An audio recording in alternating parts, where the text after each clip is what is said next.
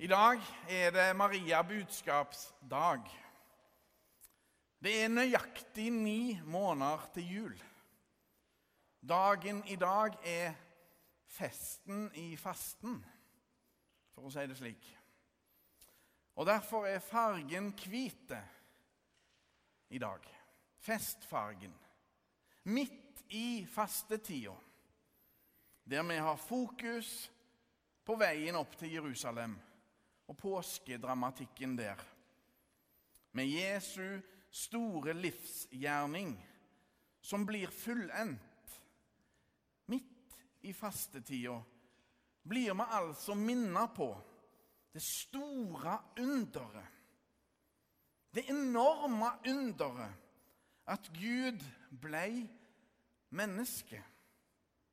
At Gud liste seg inn i verden ved at Jesus blir unnfanga i magen til ei uberørte ungjente ved navn Maria. Det umulige skjer. Og i tro og tillit sier Maria ja til dette store og hellige oppdraget. Maria har òg fått en annen beskjed fra engelen. At hennes slektning Elisabeth, hun som er gifte med Zakaria, og som alle trodde skulle forbli barnløs, også venter barn. Hun skal snart komme til å føde Johannes, døperen Johannes. Det var han som skulle være profeten og veirydderen for Jesus. I tro og tillit drar Maria for å besøke Elisabeth. La oss høre Herrens ord. Det står skrevet i evangeliet etter Lukas. Maria dro av sted og skyndte seg opp i fjellbygdene, til den byen i Juda hvor Zakaria bodde. Der gikk hun inn til Elisabeth og hilste på henne. Da Elisabeth hørte Marias hilsen, sparket barnet i magen hennes. Hun ble fulgt av Den hellige ånd og ropte høyt. Velsignet er du blant kvinner, og velsignet er frukten i ditt mors liv. Men hvordan kan det skje at min Herres mor kommer til meg? For da lyden av din hilsen nådde øret mitt, sparket barnet i magen min av fryd. Og salig er hun som trodde, for det som Herren har sagt henne, skal gå i oppfyllelse. Slik lyder det hellige evangelium. Nå skal jeg være litt personlig. Noen ville kanskje si privat, men jeg har fått lov til å si det som jeg nå skal si. Da min fru Siri og jeg hadde vært kjærester i fire måneder, så lagde jeg et kort til henne der jeg skrev utenpå. Fire måneder sammen med deg får meg til å gremmes. Åh. Jeg husker at du ble litt lang i maska. Men så måtte jo selvfølgelig kortet åpnes, og der sto det Over at jeg ikke traff deg enda tidligere. Den gjorde stor lykke. Det var kanskje litt slemt gjort å tulle med alvorlige ting. Kanskje det. Men det er mye som blir gjort og sagt i beste mening. Det som hørtes i utgangspunktet svært negativt ut, var egentlig en velmeint og varme kjærlighetserklæring. Men hva når det ikke er velmeint, det som blir sagt og gjort? Når det er ondsinna og stygt, det som sies eller skrives. Vår tid er prega av tankeløse ondskap, Det er mange som skriver eller sier ting, ikke forstår hvor vondt det gjør for den det gjelder. Rykter eller kommentarer kan gjøre uopprettelige skade. Hvis vi kan tenke oss Marias situasjon inn i våres tid, der Maria er aktive på sosiale medier, men med samme sosiale og religiøse kontroll som den gangen Ja, da tør jeg ikke engang tenke på hva som hadde blitt skrevet til henne og om henne i kommentarfeltene. Uansett tror jeg at trykket mot Maria var mer enn tøft nok som det var for den unge jenta. Hennes gode rykte og navn står på spill. Maria vet at det blir tøft. Den skammen folk i omgivelsene vil prøve å påføre henne når det begynner å vises når hun får større og større mage. Det er vel ikke for ingenting at hun drar på besøk til slektningen Elisabeth oppe i fjellbygdene. Og Maria blir der ei stund. Sammen er de sterkere, og erfaringen og klokskapen Elisabeth deler med henne, er gull verdt. For et møte. For et vidunderlig møte mellom to sterke og modige kvinner. Den ene veldig ung, den andre litt mer oppi åra. Når mennesker møtes, kan det skje store ting. Den ene ser den andre, og de er begge både den unge dama og den eldre dama, helt trygge på at når Gud handler, ja, da er det i kjærlighet og omsorg. De er begge en del av frelseshistorien, der Gud tar tak og går sjøl midt iblant oss. Barnet i Elisabeths mage sparker av fryd når Marias stemme lyder. Det er en avsindige glede som bryter ut. Herren Gud skal trå inn i verden for å frelse verden. Når Gud møter oss, da skjer det garantert store ting. I tro og tillit å bli møtt med gode ord, det er så nydelig. For ei stund siden opplevde jeg personlig et eksempel på dette. Personen som kom og sa etter at vi hadde hatt en samling for konfirmantforeldre, og jeg hadde hatt mine vanlige bidrag. Da kommer denne dama til meg, og så sier hun nå er det fjerde gangen jeg hører dette foredraget, og det er like bra hver gang.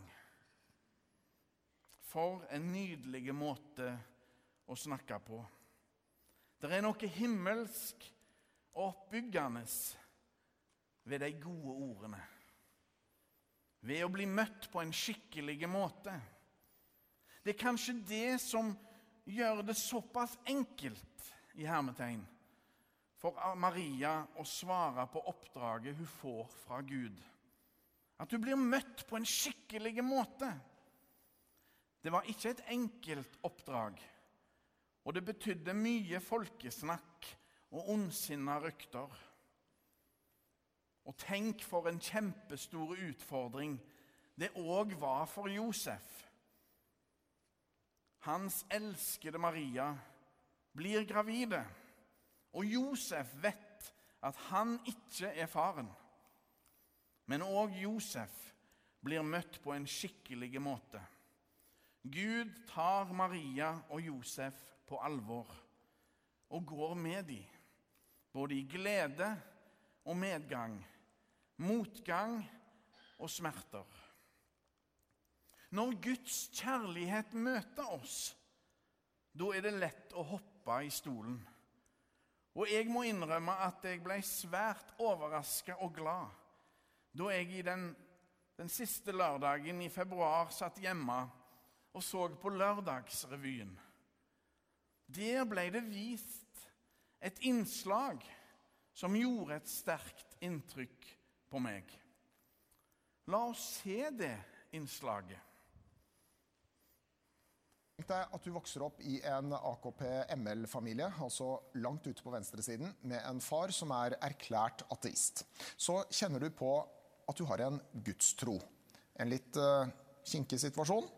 Men uh, slik var livet for denne damen, Tanja Michelet. Og faren hennes det var den profilerte forfatteren Jon Michelet. Farens død i fjor åpnet faktisk noen dører for Tanja. En dør for hennes personlige frihet og én dør inn til farens indre. Kirken, den er et gammelt hus, heter det i salmen. Men for noen er kirken noe helt nytt. Nå gleder jeg meg til å komme inn her og sitte her og få den roen. For meg handler det om ro, da. Er, er livet ditt så bråkete at du trenger ro? Ja. Det blir mye latter i dag. Selv om temaet er alvorlig, tro og tvil, glede og sorg og et vanskelig valg. Hun er eldste datter av politikeren, redaktøren og ikke minst forfatteren Jon Michelet. Han betydde veldig mye for meg. Han betydde egentlig alt for meg. Han var jo, som både søstrene mine og jeg har sagt tidligere i intervjuer osv., en veldig tilstedeværende far. En veldig god far. Uh, og en uh, sånn høvdingfar. en far som var uttalt ateist og kommunist. Et hjem hvor det kanskje ikke var så lett å være religiøs. Jeg Jeg har jo alltid bedt til Gud. Holdt du det skjult for faren din? At du var kristen? Ja. Men ikke for datteren min. Hun hun har bare hun har tatt dette med knusende ro. Hun har jo alltid visst at du var kristen mamma. Og mine beste venner har også visst det. Og det alle har visst, er at hun arvet lidenskapen for litteratur. Hvor er Michelet-bøkene? Og ble forfatter, som sin far. Der, ja. Der har vi det. Dette er en av mine favorittbøker av faren min, 'Farvel til en prins'. Jeg tror den handler om min datters far. Og at det ble slutt mellom han og meg, at det var en stor kjærlighetshistorie. Og da er det 'farvel til en prins', altså farvel til hans svigersønn, da. Jon Michelet fikk på mange måter sitt definitive gjennombrudd som forfatter med romanserien 'En sjøens helt'. Han avsluttet livet og karrieren med det sjette og siste bindet 'Krigerens hjemkomst', som ble fullført på dødsleiet. Jeg syns det var tungt å lese den siste boka. Fordi du merker at han begynner å få dårlig tid utover. Han gjør store sprang, ja, han gjør store sprang i tid. Fordi at han rett og slett Faren, faren min er døende. Han er snart død, så han må bare bli ferdig. I april i fjor døde Jon Michelet, 73 år gammel. Takk for alt du var for oss, pappa. Han var ateisten som ville begraves, og han ble det fra en fullsatt Rygge kirke. Og akkurat da han døde, så holdt han hånda mi i et jerngrep. Og det gjorde veldig inntrykk på meg. Så har jeg lurt på hva han ville si med det grepet. Hva var det, hva var det Hva slags beskjed var det? Hvordan har du tolket det selv? Jeg har i hvert fall tolket det som noe positivt. Altså at det er en eller annen oppfordring til at jeg skal skal gjøre et eller annet. Jeg vet ikke hva. Selvfølgelig ikke å døpes. Jeg tror ikke han sa 'Nå må du gå og døpes, jenta mi'. Jeg tror ikke det. Men jeg tror at det var et eller annet i retning av 'Jeg ser deg, jeg forstår deg, og nå, nå, nå, nå slipper jeg deg'. Nå, skal du få lov til å, å gå videre selv. Hun tenner lys for sine foreldre i kirken. Et hus hun først nå har begynt å få et forhold til. Det har gått to uker siden hun tok et livsvalg om å la seg døpe, etter eget utsagn, for å bli akseptert i kirken, for å bli ansett som kristen. Det er jo litt kleint. altså En voksen person som står i hvit kappe og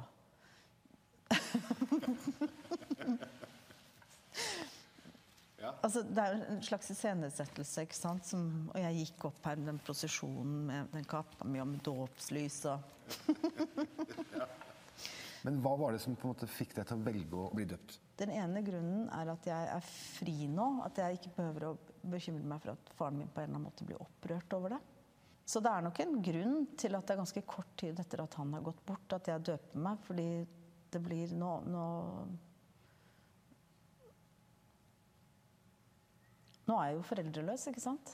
Så nå kan jeg gjøre det jeg vil. Hei! Hallo!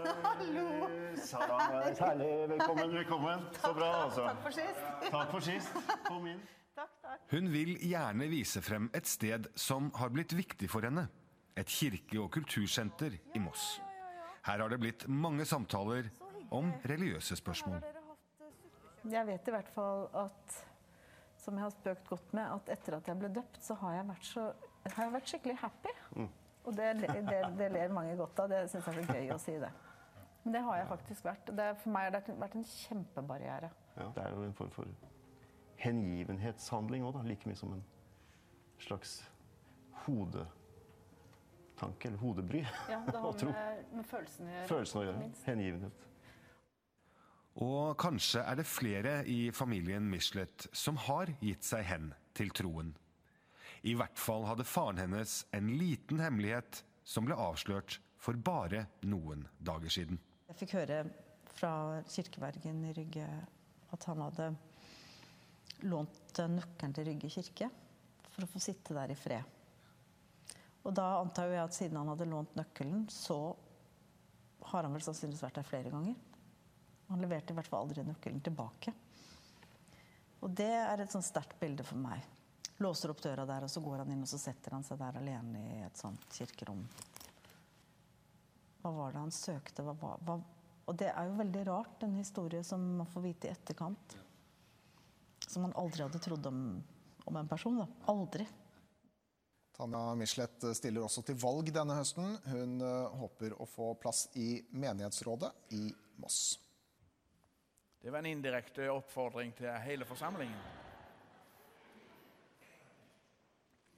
Så fantastisk, så forunderlig.